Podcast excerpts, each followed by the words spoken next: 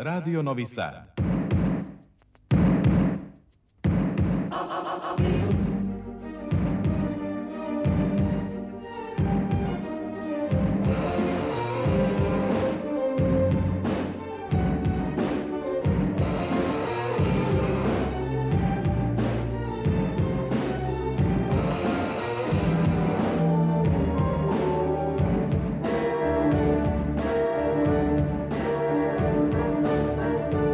Spektar.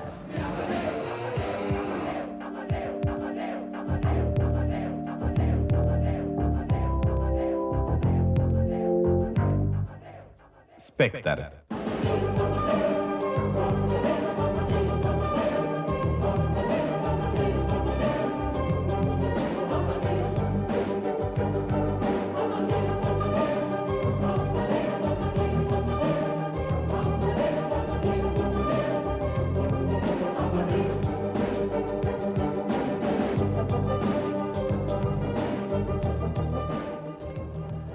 Dragi slušalci, dobroveče. Ja sam Ivana Maletin Ćorilić i bit ću vaš domaćin u narednih sat i po vremena. Danas obeležava Svetski dan umetnosti, ali mi zapravo svakog petka u magazinu za kulturu Radio Novog Sada, Spektru, slavimo umetnost. Nedelju na izmaku obeležili su pozorišni umetnici. U Zrenjaninu je spuštena zavesa na 71. festival profesionalnih pozorišta Vojvodine – U konkurenciji devet predstava, za najbolje je proglašena Tri sestre u režiji Zoltana Puškaša i izvođenju pozorišta Deže Kostolanji i Subotice. U Novom Sadu održane su dve pozorišne premijere, Slepa mrlja u režiji Andreja Mažerije u Srpskom narodnom pozorištu i Richard III, reditelja Dejana Projkovskog na sceni Novosadskog pozorišta. Predstavljena je i monografija Čarobna melanholija o Nedi Arnerić. Tokom aprila i maja Mladi umetnici biće u središtu Evropske predstavnice kulture zahvaljujući programskom luku Budućnost Evrope. Dobrodošli u Spektar.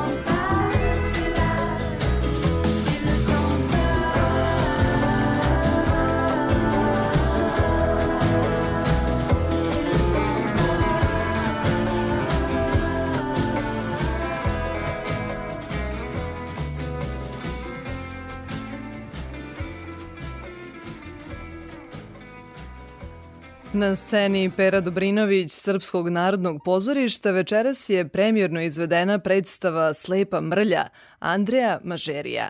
Rumunski reditelj objedinio je tri antičke tragedije – Antigona, Kralj Edip i Bahke, čiji je zajednički menitelj porodica ili povratak kući.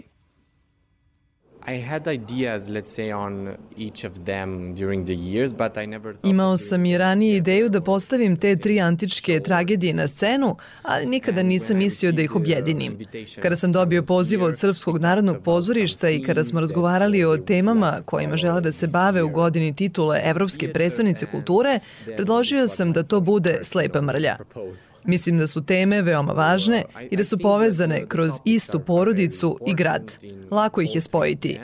Želeo sam da napravim predstavu o porodici, moći, gubitku moći, o suprostavljenom muškom i ženskom pogledu na svet, u kojem primjera radi, žena ne može da nasadi presto. To je bilo prvo pitanje koje smo otvorili. U Novom Sadu sam bio ranije kao turista, ali prvi put radim ovde. Ponosa sam na naš rad. To je veliki komad za mene i za čitav ansambl. Important and a big show for them and also for me. Tekst su napisali Kosmin Stanila i Onud Soču, a na srpski je prevela i Joana Flora. Jedno od glavnih pitanja kojima se predstava bavi je šta znači biti slep. Da li je slepilo veće kada je stvarno, fizičko ili je gore ono metaforično? O iskustvu rada sa rumunskim rediteljem govori glumica Srpskog narodnog pozorišta Tijana Marković. Andrej Mažeri jedan vrlo mlad, talentovan e, reditelj i drago mi je da e, imam priliku da radim e, sa njim zato što smo nekako, čini mi se, u nedostatku generalno sa mladim rediteljima, a on je nekako pokazao nekim svojim radom do sada, ja mislim da mi, da mi je rekao da je ovo njegova da 15 režija do sada i da je radio sa preko hiljadu i po glumaca. Zanimljiv je njegov pozorišni ukus i način rada sa glumcem. Mm, nekako je ovoj predstavi dao jedan estetski kod koji mi nismo imali prilike da vidimo u našem pozorištu, kako u Srbiji, tako i van nje u regionu. I baš mi je drago što je došao, što je doveo tim saradnika koji su izvrsni. Um, Andreja koja radi pokret, uh, Andrej isto koji radi muziku, čovek koji radi scenografiju koja je izvrsna. Ja, ne, ja se ne sećam kad smo imali ovakvu scenografiju na našoj sceni. Zaista. Ovo je fenomenalno kako izgleda. Ja prvo kad sam dobila poziv, kao pitala sam pa šta je to? Pa kao pevanje o tebi. Kažem šta pa, pa kao uradili su tekst, isto takođe njegovo, njegovi saradnici koji su jako to dobro uradili i napisali. Tekst je rađen po motivima Antigone, kralja Edipa i Bakje. I vrlo je to interesantno na koji način je to napisano, na koji način to, eh, kako da kažem, eh, sa današnjicom, sa današnjim vremenom, kako parira, kako, kako ide jedno uz drugo i onda vam je to dokaz koliko je antika vanvremenska. Repriza predstave Slepa mrlja zakazana je za sutra u 19 časova i 30 minuta na sceni Pera Dobrinović. Inače, ceo april u Srpskom narodnom pozorištu posvećen je mladim umetnicima u znaku programskog luka Budućnost Evrope, projekta Novi Sad, Evropska prestonica kulture.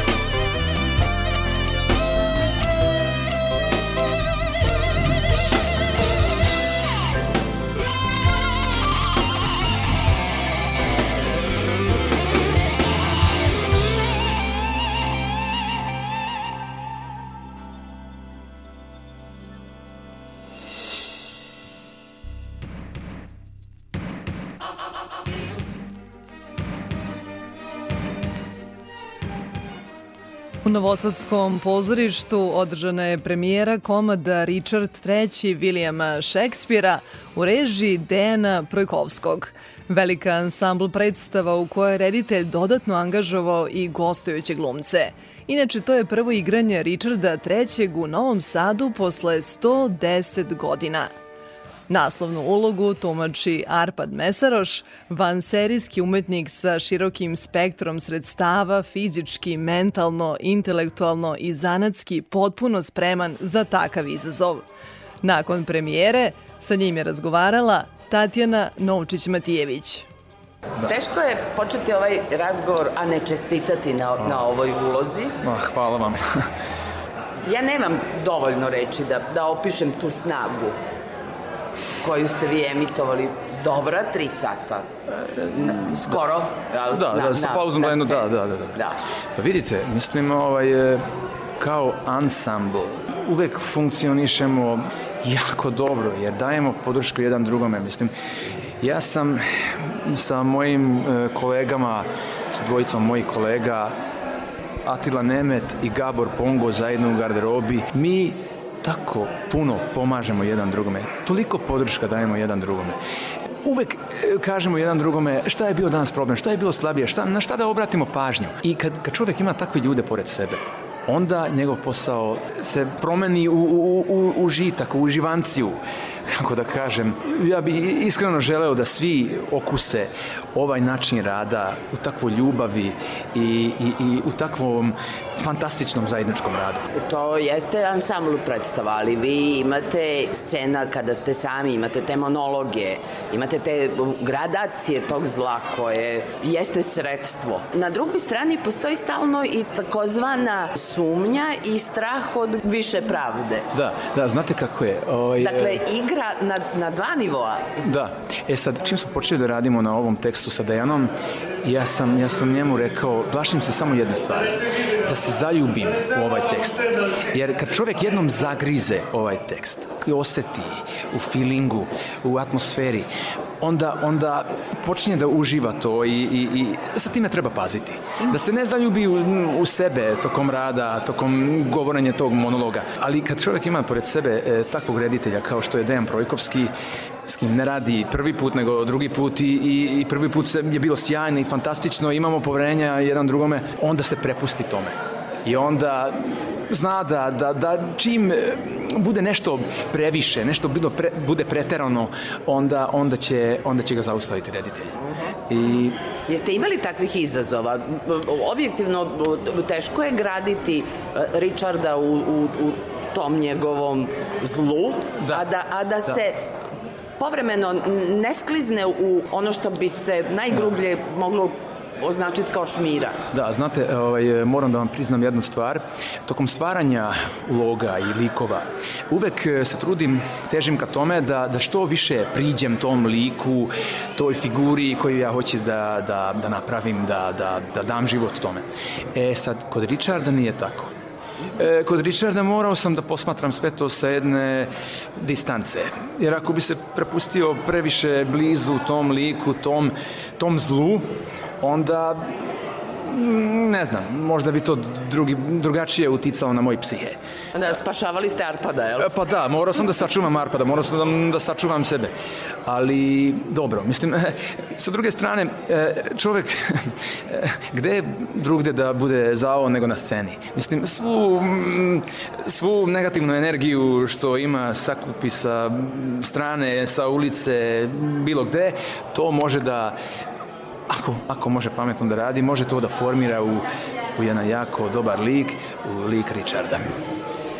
Vama je jasno da igranjem Richarda III. ste sad upisali veliki poen u vaš CV glumački? Pa znate, ja e, se trudim da, da, da ne, ne, ne prepustim se tome, e, zato što e, to onda vrši pritisak na glumca. A, ako, ako kažu, jao, šta ćeš sad radi, ovo će biti fenomenalno, jao, I onda čovjek e, kaže, pa dobro, ali posle svi će imati velika, velika očekivanja prema meni. I onda to nije to dobro. To, to, to će onda vršiti pritisak, to će uvek biti stresno. I mm, hoću da bežim od toga. Pa, mislim, raduje me to što, što, što je ovo sad veliki uspeh. Mislim, čujemo, vidimo, pričaju, svi kažu dobre stvari, ali, ali najvažnije je da mi radimo nešto takvo u čemu svi uživamo. I to je najvažnije. I prvenstveno timski rad. Ako se to još nekome e, svide, svidi, dopadne i, i, i da se to sa CV, to je sve dobro, ali, ali ne treba, ne treba to da prevazi jednu granicu. Takvim svojim načinom igre prilično utičete na publiku. Publika ne može, bez obzira koliko to bila izuzetno slikovna predstava sa mhm. odličnom scenografijom, svetlima, onom zemljom koja, koja urniše i bukvalno. Koliko ste vi, kad izađete iz te predstave, koliko zapravo e, doživite neku katarzu? Je se osjećate mhm. dobro, lakše, kad, kad prođe taj proces predstave? Pa da, ali, ali to je ipak e, tanak led. Znači, ne treba se, ne treba napraviti tu grešku da, da glumac e, počne da uživa sam u sebi toliko da to, da to bude neka parada. Mislim, e, ne znam ni sam gde je ta granica, do koje mere možemo otići. Više me raduje kad se to dopadne drugima, nego da ja uživam o tome, u tome Ne znam. Čula sam, ja... čula sam da ste dva meseca is, išli sa štapom. Jao, pa mislim, da, zezali su me, smejali su mi. Mislim, znate, ima dobri glumaca to koji rešavaju ovako. Ja nisam dobar glumac, ja sam morao da vežbam morao sam da vežbam da mi to bude prirodno skroz, ono šantanje, ono, ono držanje ruku ovako grčevito e, i, i, i biti onako kao da imam grbu na leđima. E, to, to nije lako. Ali pomoći tome, tom treningu, da tako kažem, e, to je postalo prirodno i, i e, lakše sam mogao da funkcionišem na sceni, lakše sam mogao da, da se skoncentrišem na sam tekst i na igru. Da, zapravo veliki glumac je onaj koji puno radi. Nije sam po sebi velik. pa ne znam, uvek, uvek se, mi je sramota malo kad pričamo o tome ko je veliki glumac i kako radi veliki glumac važno je da se dobro osjećamo i da, da vidimo ovako nasmijena lica kao što sad vidim posle premijere. Ja vam želim da ova predstava dugo igra. S obzirom na to da, da vam je uspešna bila saradnja sa Dejanom Projkovskim i u Ani Karenjinoj, nadate li se sličnom uspehu i predstave Richard III? Apsolutno, apsolutno. I ako pričamo o budućnosti, moram da vam priznam, da, da je bilo još nečega e, kad smo pili šampanjac posle predstave, pre, posle premijere, da je rekao da bude sad u stilu Richarda, kaže da je tri drugih predstava samo da opet ra, radi sa nama na jednoj novoj predstavi. Ovo je najbolji da. kraj ovog razgovora. Hvala vam Hvala puno. Mama. Pre svega na odličnoj ulozi. Hvala vam lepo.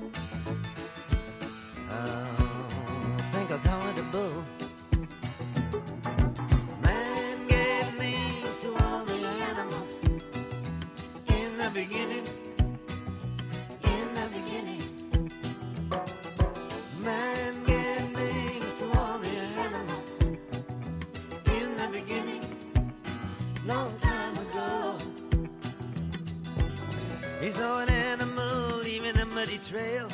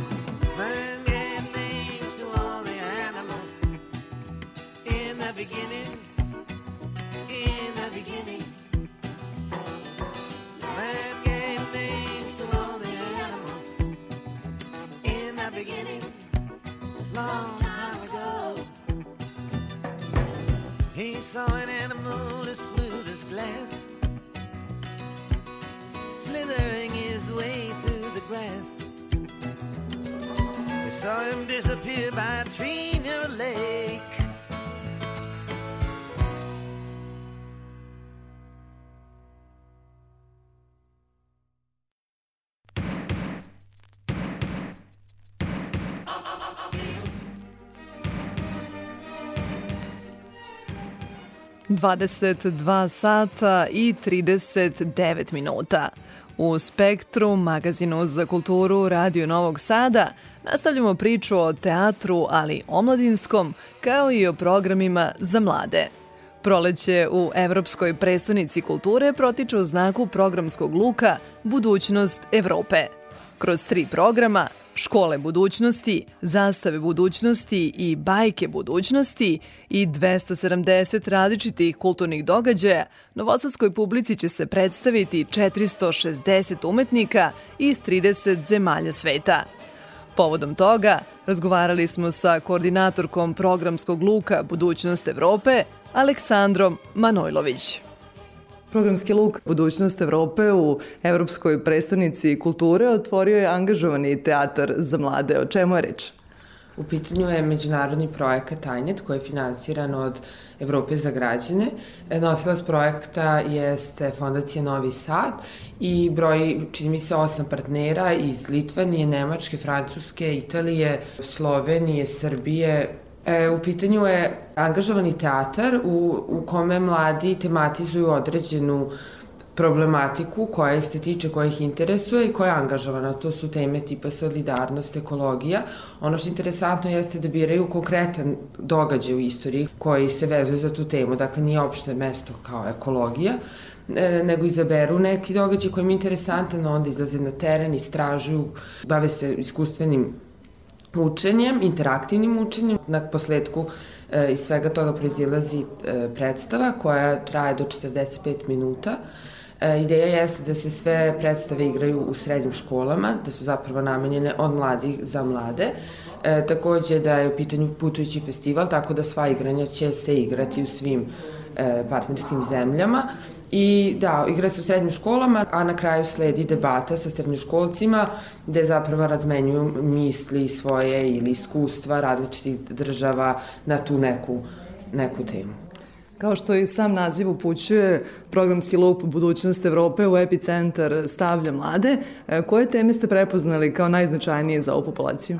E, mi smo se fokusirali na tri teme ili okosnice u ovom, ovom programskom luku. Prva bi bila neformalna edukacija, odnosno e, korišćenje metoda e, neformalne edukacije i primjena nekih alata poput umetnosti, kulture, znači crtanje, slikanje, e, pozorište i tako dalje, unutar formalnih obrazovnih institucija, odnosno unutar škola, fakulteta. Drugi kraj toga jeste da smo pokušali da e, uključimo zapravo neformalnu edukaciju u kulturne institucije, odnosno da se unutar kulturnih institucija dešavaju nekakvi obrazovni programi i na taj način zapravo e, proširimo koncept škole sa onoga što nam je poznato kao obrazovna institucija. Pored toga e, se bavimo društveno angažovanom umetnošću I na posledku tematizujemo bajke, različite bajke, e, kao neke nove narative, m, narative koje pišu mladi, nešto čemu se raduju ili čemu streme u budućnosti. Bave se rušenjem stereotipa u bajkama i postojećim narativima i pravljenjem nekih novih koncepata koje zapravo oni definišu kao važne. Dakle, akcenat je na toj neformalnoj edukaciji. Kakve programe nudite mladima?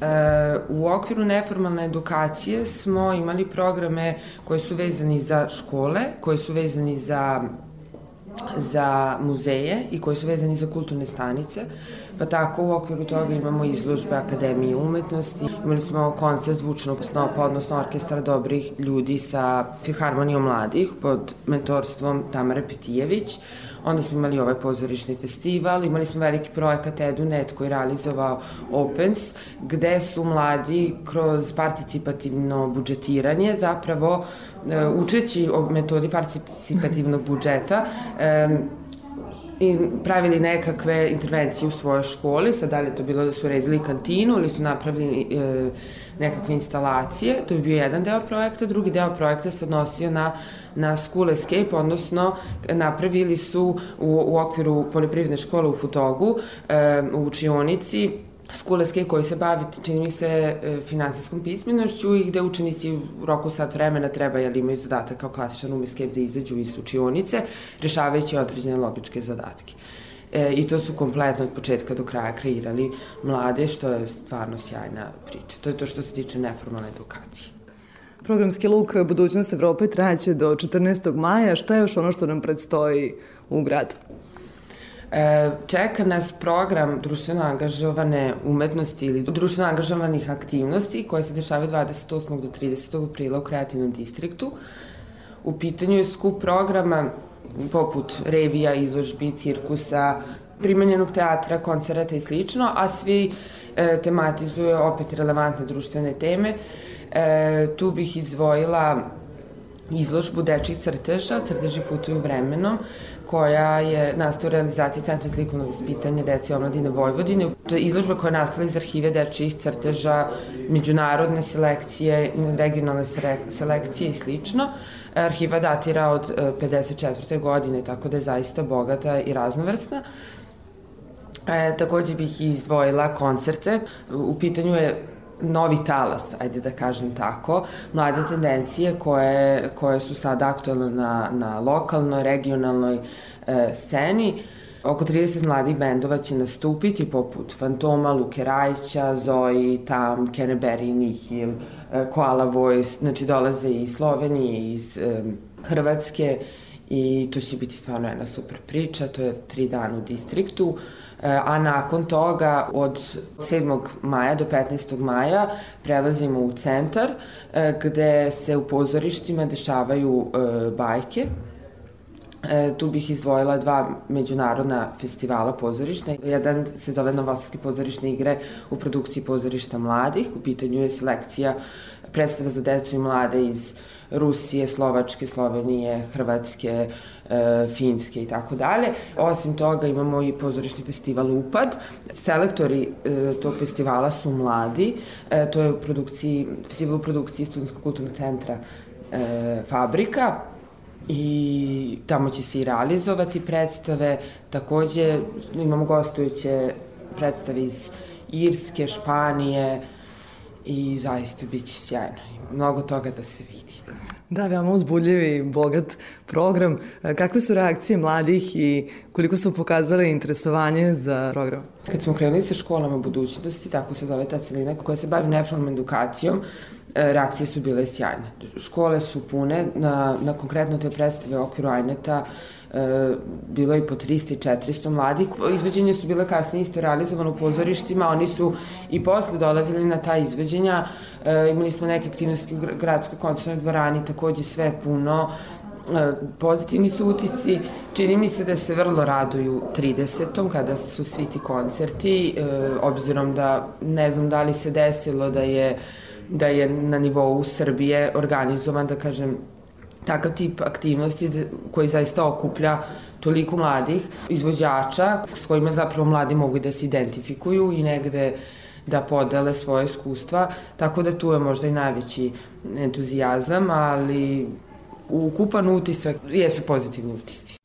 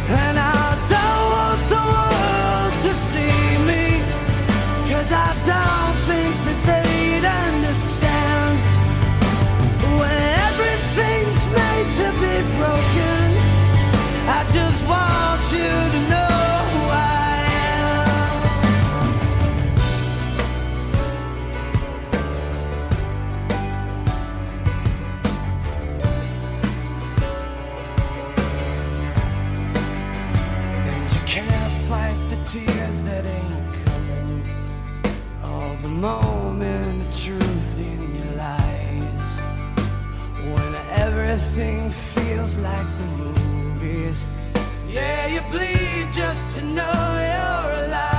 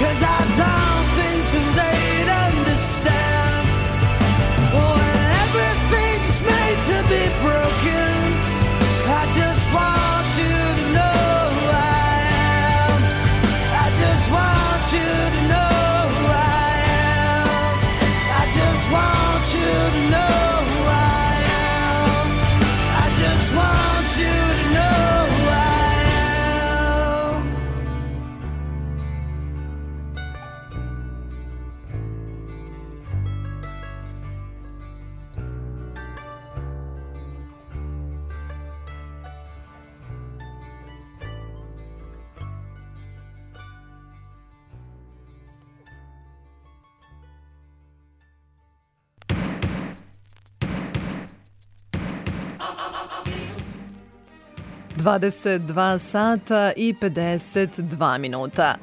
U narednom segmentu emisije Spektar pažnju posvećujemo nedavno završenom 71. festivalu profesionalnih pozorišta Vojvodine u Zrenjaninu.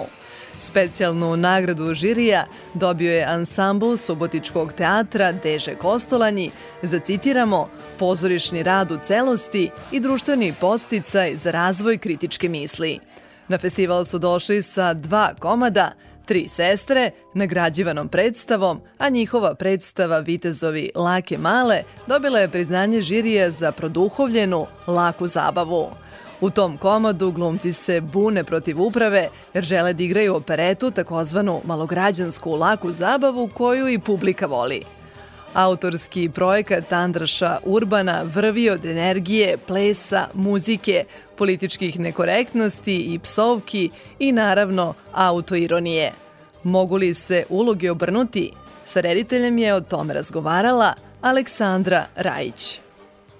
Ako smo već videli šta glumac treba da istrpi, izdrži, naša treba da pristane, kakva je diskrepancija između njegovih jel da, želja, snova i onoga što jeste pozorište, šta je to što reditelj, odnosno upravnik pozorišta treba u tom kontekstu u kom živi da izdrži da bi pozorište godinama funkcionisalo i opstajalo. Da li je to preteško pitanje ili...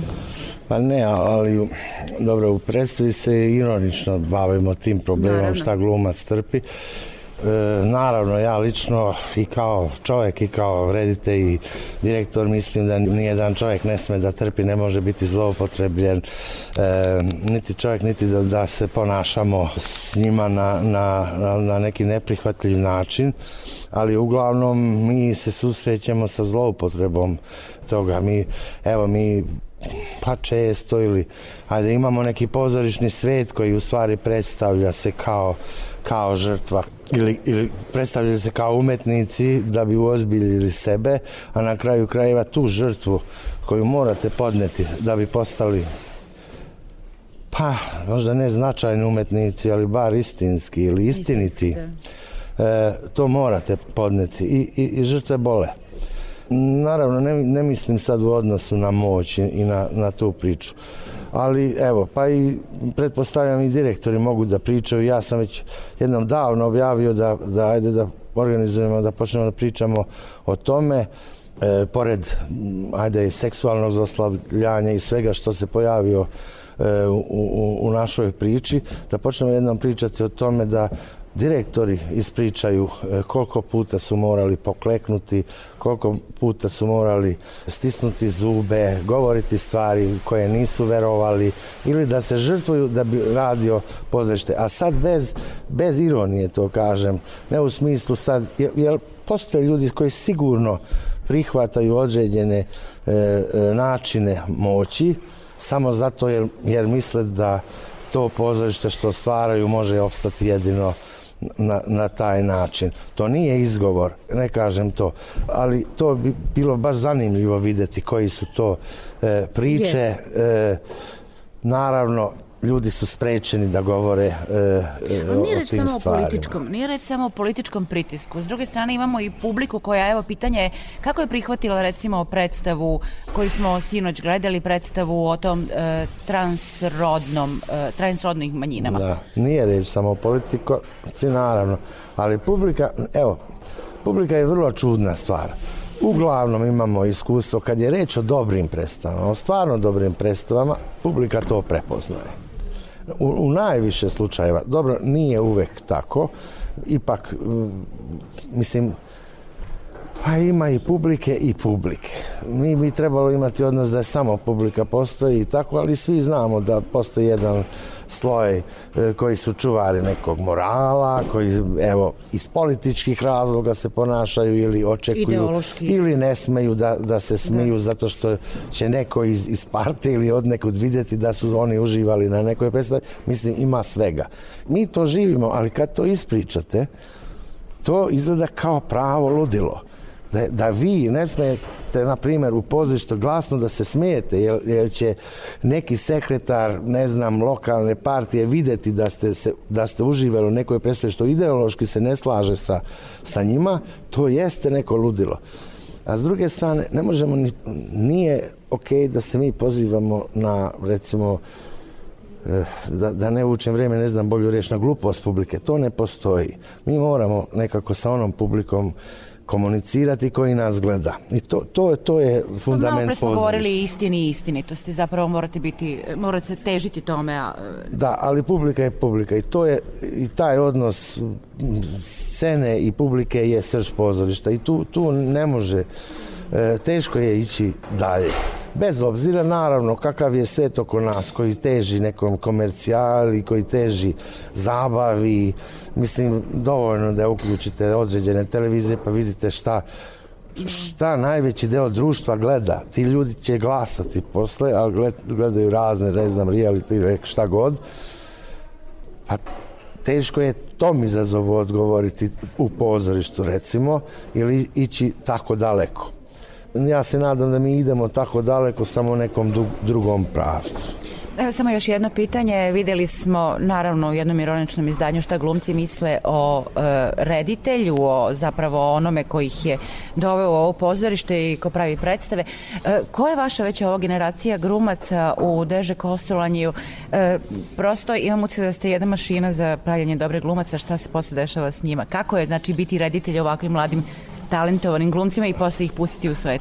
Dobro, sad ispada kako, kao da je pozorište Kostolanje škola neka i da mi menjamo, ali ja mislim da sasvim je prirodno da posle izvesnog vremena, naročito pošto je reč o mladim glumcima, da, da oni traže neke druge puteve. Ali recimo, evo, Gabor Mesaroš je naš glumac koji je maltene od, od, od prve, od one, onog ansambla gde je Bereš Marta bila ili eh, Arpad Mesaroš. I tako već je i Gabor bio tu, Boris odmah posle došao, znači dugo su oni već neki tu, neki, neki malo kasnije došli, ali ja mislim da sad je opet neko vreme gde imamo jedan jako zanimljiv mali ansambl, to je uvek pet ljudi, to baš stvarno nije puno, ali opet, opet ima neke svežine, želje za rad, za, za kreativnost i smeli su, smeju da uđu, da istražuju, imaju da rade na treninzima, rade na sebi, da se bore i tako.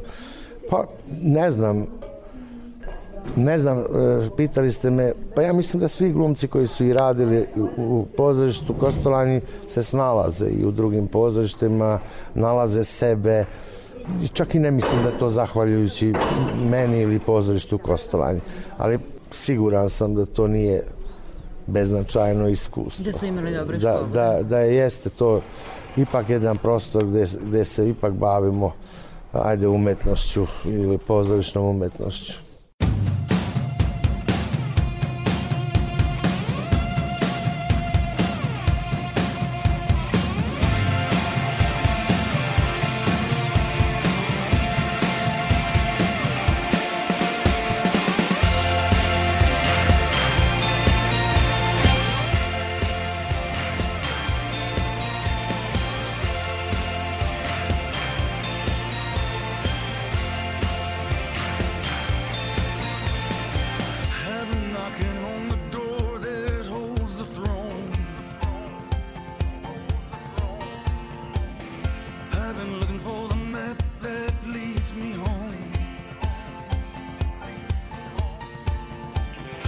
stumbling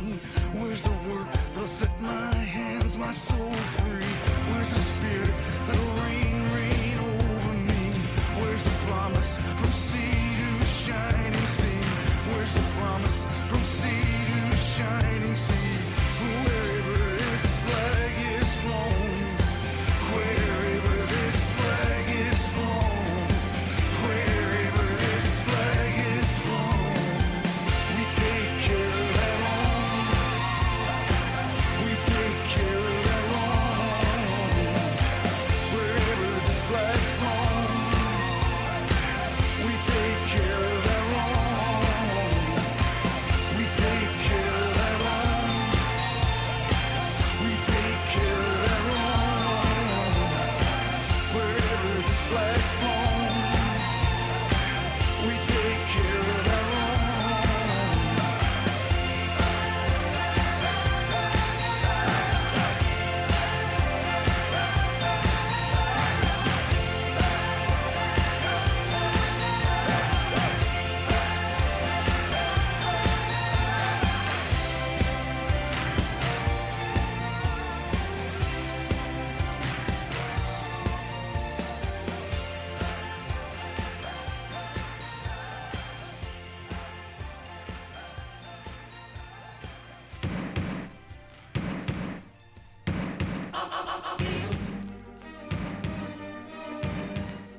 U selekciji 71. festivala profesionalnih pozorišta Vojvodine našlo se devet predstava, šest večernjih i tri za decu i subotičkih, novosadskih, somborskih i zrenjaninskih pozorišta – Dodeljene su i nagrade, one za ukupni utisak osvojile predstava Tri sestre, Zoltana Puškaša i pozorišta Deže Kostolanji, a za režiju većinu glumačkih kao i priznanja za scenografiju i kostim, komad Kus Petlić, reditelja Milana Neškovića u izvođenju drame na srpskom jeziku Subotičkog narodnog pozorišta.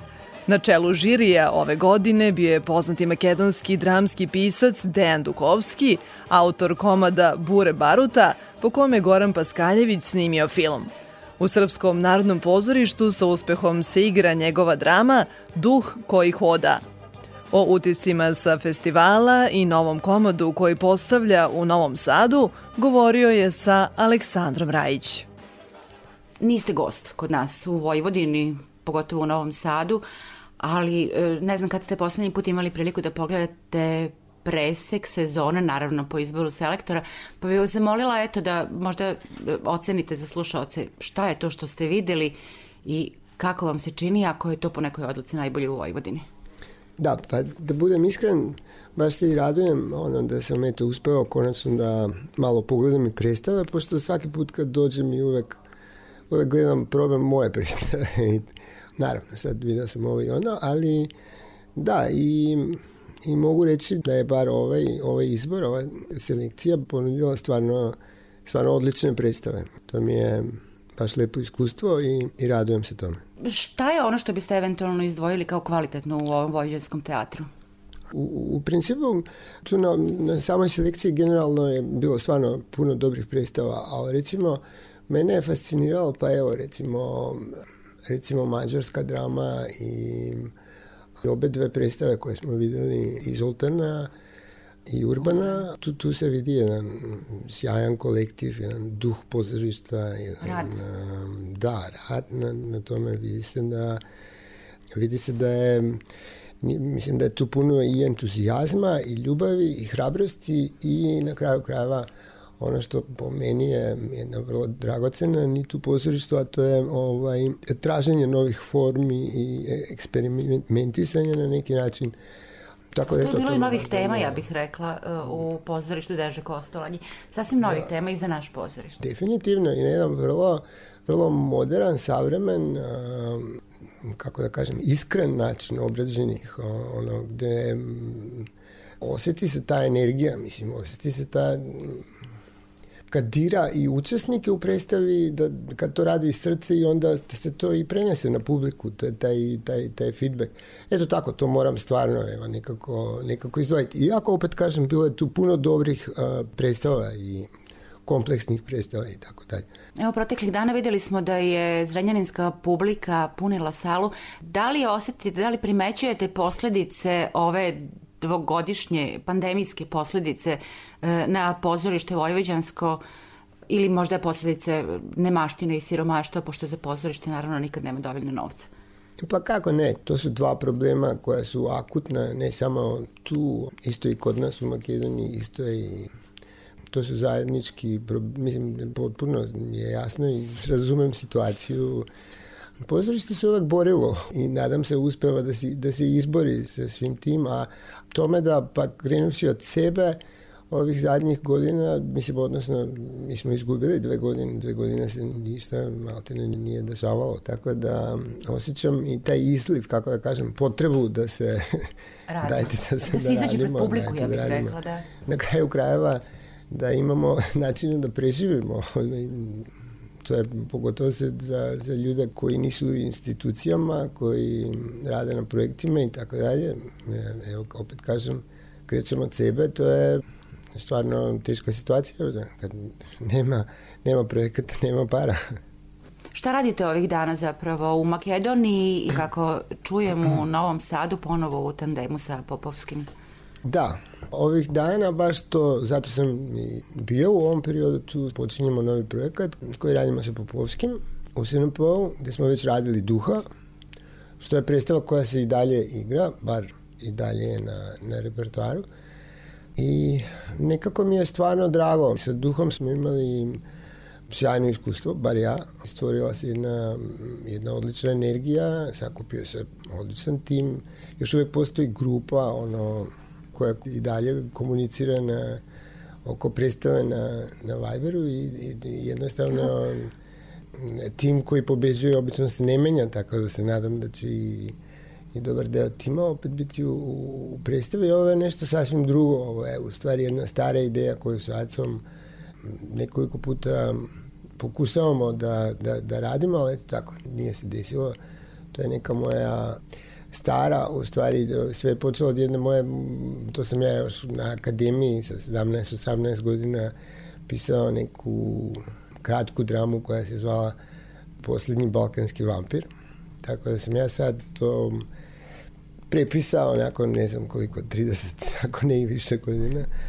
I da, i to je komedija u pitanju, dotiče ovaj, naš mentalitet, naše običaje i tako dalje sujeverija oko vampira i tako da je tema, vampiri su tema, ali je, nadam se da će biti jedna vrlo zabavna, kompleksna predstava sa puno fizičkim u sebi i Da. Što ste sebe možda iznenadili vraćajući se na neku staru temu o kojoj ste razmišljali, nego što, možda, da li vas je Balkan iznenadio ili kako to da tema nije anahrona zapravo? Balkan me svakog dana iznenađuje puno puta neprijetno, nažalost, ovaj, sad zapadni, ali ali dobro, ima tu puno drame uvek, tako da nekako su svi moji komadi u principu ne tako daleko od, od te dramatičnosti, te, ajde da ne kažem surovosti, brutalnosti, ne znam koja je reč. Da. Ne se samo da vam postavim još jedno pitanje, ovde ste u Zrenjaninu proteklih 7 dana. Kako vam se čini, kakva je atmosfera u pozorištu? Jeste li prvi put zapravo u Zrenjaninskom pozorištu? Da, da budem iskren, da, iako je to, to jedno, mislim, to je naj, najstarije pozorište tu i meni je baš lepo i, i, vo, i ovaj klub, mislim, tu sam, to, to mi je uglavnom, to, to je srce pozorište, da, da, da. da, tu se uvek kažu stvari koje nas se tiču oko tih predstava. Da, stvarno mi je drago da sam bio tu i eto, da sam uh, i deo ovog festivala ove godine.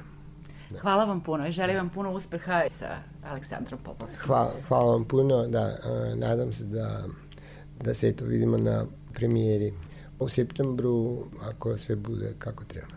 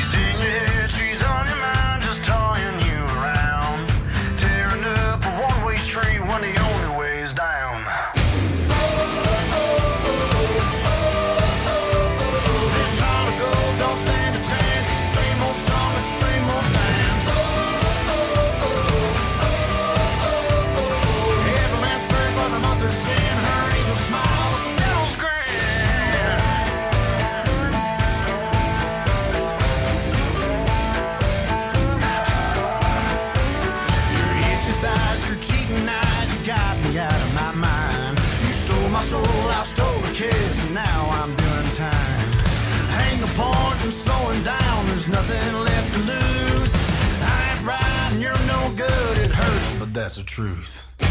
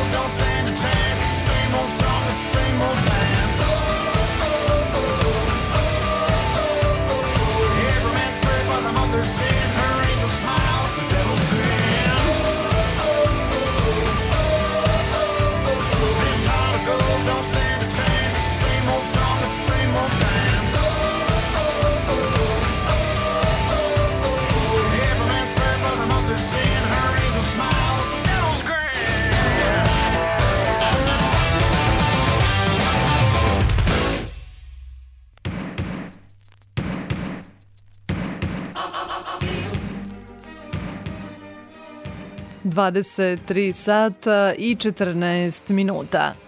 Stigli smo do poslednje priče u večerašnjem spektru. U Novosadskoj knjižari Zenit održana je promocija monografije o Nedi Arnerić, Čarobna melanholija, koju je izdao Filmski centar Srbije. Sa autorkom Anitom Panić razgovarao je Goran Vukčević. Anita Panić počela je da priprema ovu monografiju još dok je Neda bila među nama. Neda je sada u sećanjima i u filmovima i u ogromnom delu koje je ostavila.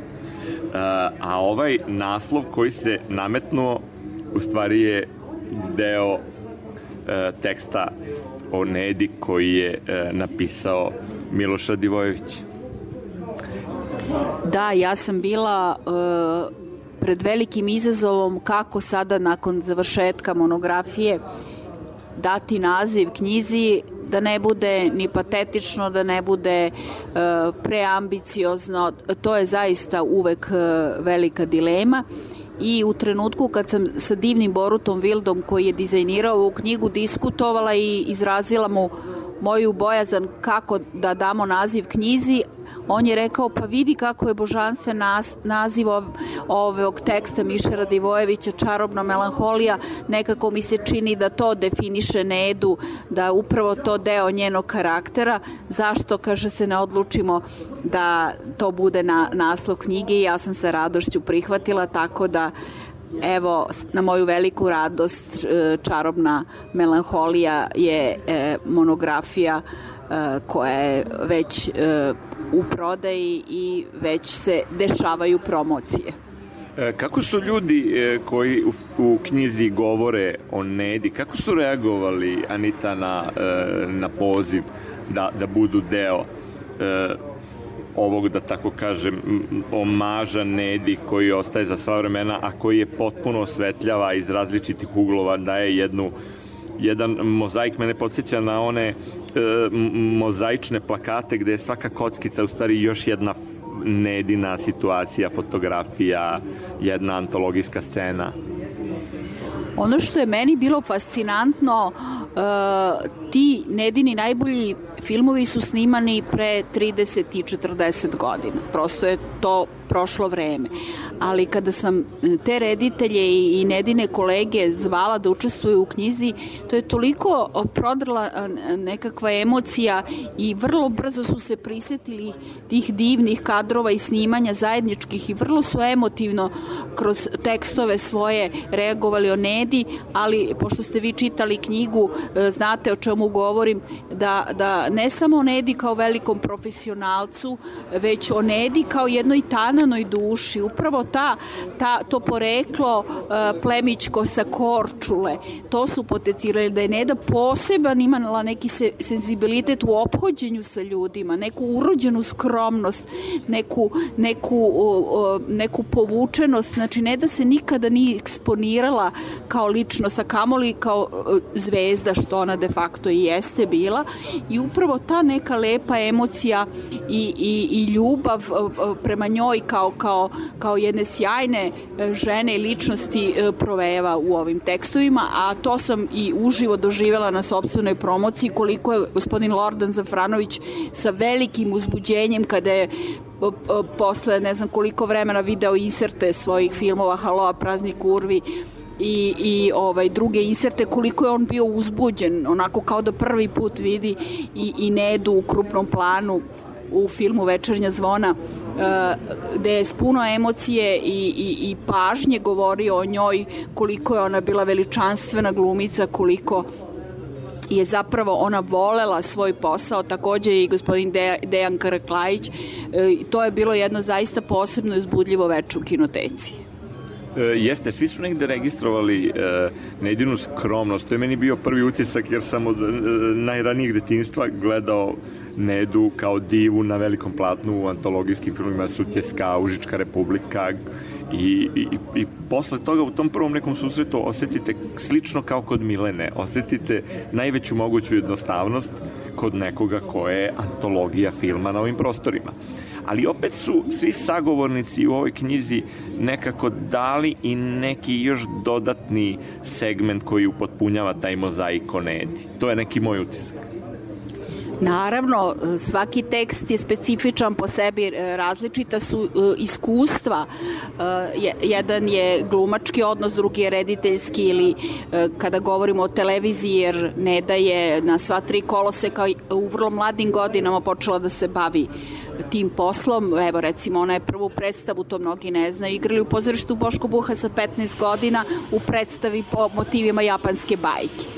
E, Tako da Neda je igrala i u regionu, to mnogi ljudi ne znaju da je dve divne predstave igrala u tom divnom malom pozorištu u Banja Luci, narodnom, recimo tog uh, Edmunda Kina, glumac, divan komac sa brikom krivog, pa kapićem, evo, uh, tu bih onda ispričala to ove što ste vratno pročitali u knjizi, ali to upravo govori njoj i to, to je mene nešto posebno dotakle. Naime, Brik Krivokapić je dobio glavnu mušku ulogu u, to, u toj predstavi i onda je prosto bila potrebna glumica i onda je direktor pozorišta pitao da li imate predlog da nekoga pozovemo, on kaže pa ne znam, evo možemo Nedu probati pozvati jer ako je slobodna, ovaj je bio potpuno u šoku kao i tako. su ubeđeni da neće pristati. Takva velika glumica, kako će Neda da dođe u Banju Luku, on kaže pa hajde da probamo. I Brik pozove Nedu i objasni kako je zaista veličanstven komand, da je on prihvatio glavnu mušku ulogu, eto da li bi ona žela i tišina s druge strane. I onda su se oni svi zabrinuli šta nije u redu, on kaže pa Nedo, jel imaš neku dilemu, jel ti se ne dopada predlog i tako, a ona kaže hvala ti što si me se setio. Jeste i tad je bila prilično istrpljena na, jer je zloupotrebljena njen, njen, njen san da može nešto da promeni i, i to što je prihvatila ponudu da učestvuje u politici, to je u stvari posle postala njena rana, jer su političari to zloupotrebili. Ali ima i druga stvar, znate, jer uh, kod glumca, evo vi se bavite i filmom i pozorištem u prošlosti, nema kontinuiteta. Možda je u tom trenutku Neda imala dugu pauzu u pozorištu, mada je igrala 40 predstava i u referentnim pozorištem, ali uh, možda je nju obradovalo to. I, I upravo taj gest da je njen kolega mislio na nju i, rek, i, i upravo je zato izgovorila hvala ti što si me se setio. A ovo što ste spomenuli Milenu i Nedu, upravo to govori o karakterima velikih glumica. Znači to su glumice sa svetskim biografijama, a u suštini su one neprestano sumnjale u sebe da li su dovoljno dobre i preslišavale se e, šta drugi misle. Evo Milena Dravić je posle e, stote, dve stotine predstava uvek pitala Brika, jesam li, molim te, reci mi da li sam večeras bila dobra, da li sam negde pogrešila. Upravo to govori o karakteru i veličini, evo recimo te dve velike glumice. Jeste, ili su zadržale do samog kraja tu čistotu i naivnost i, i, i, i, i, i taj optimizam i, i apetit za profesijom kakvu imaju obično e, glumci koji tek počinju i koji još nisu dobili velike šanse. A opet mi je interesantno da su se oni sretali u nekim filmovima, jer recimo zanimljivo je da kod Milana Jelića u nedeljnom ručku suparnica je Neda, Mileni koja igra suprugu glavnog junaka, dok je u kvaru recimo supruga Neda a na neki način avantura njenog supruga Berčega je, ka je Milena u toj ulozi, Milena Dravić i sretale su se još ponegde, kao što redi recimo policajca Petlog Brda i ali nekako e, posle Milene Neda je naša najveća diva. Moram da vam ispričam scenu 2018. kada je bila promocija u kinoteci i monografija o Mileni Dravić. Ja sam pozvala Nedu da dođe na promociju i ona je sedela pored mene u prvom redu i sad idu inserti iz Mileninih filmova. Vidim njoj pune oči suza. Zašto? Jer je u 50% tih filmova i ona igrala. Možda nisu imali zajedničke scene, ali su isti filmovi. Obe su počele kod Puriše Đorđevića yes, kao mlade. Jutro, sad, uh, da. A onda uh, ovaj uh, Tako da, apsolutno ste u pravu to što kažete. One su puno filmova igrale zajedno. I ono što je e, gospodin Pega Popović, koji je nekad bio dekan na Fakultetu dranskih umetnosti i direktor fotografije u filmu VR Misterija organizma koji je govorio na promociji o Mileni Dravić i izgovorio nešto što je meni bila velika čast kada govorio o knjizi. Kaže, to nije samo knjiga o Mileni Dravić, to je istorija jugoslovenskog filma I upravo je to činjenično stanje. I ova knjiga je presek, jer imamo ljude iz regiona, imamo Metu Jovanovskog, imamo uh, hrvatske autore. Znači, to je bila jedna zemlja. I kao što je Milena govorila, molim vas, meni je jako važno da govore kolege iz regiona, tako da ja znam da i Nedi bilo važno, jer Neda je pred smrt puno igrala u Hrvatskoj, igrala, kao što videli ste, čitali ste knjigu, ona igrala u šest makedonskih vrlo gledanih filmova.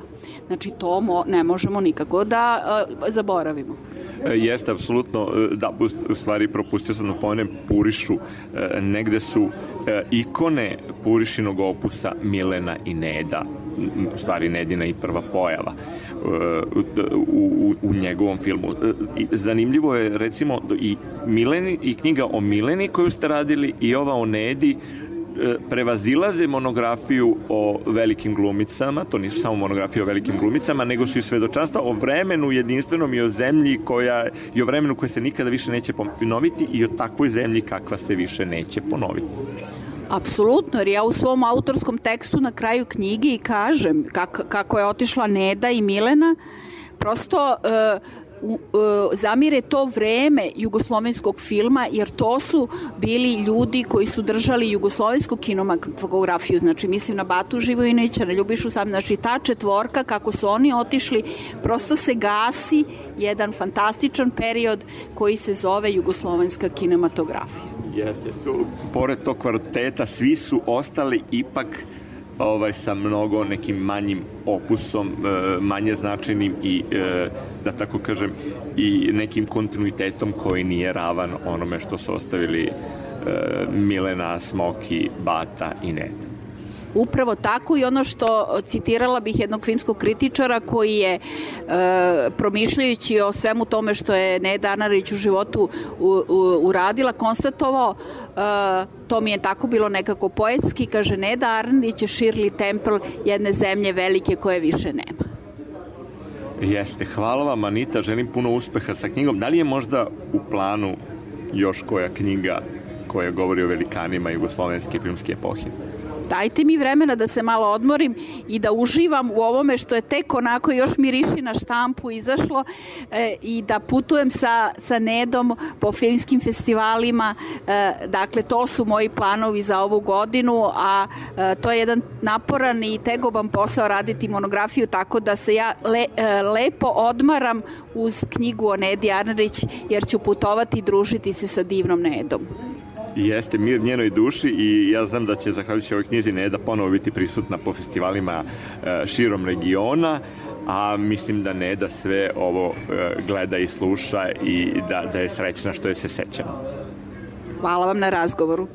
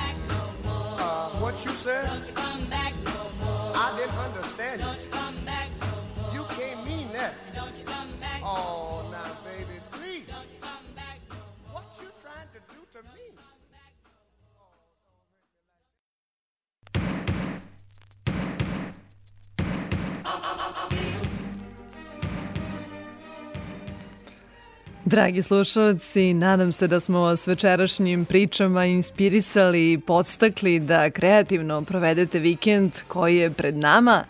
Ja sam Ivana Maletin Ćorilić i predlažem da i narednog petka budete uz Spektar.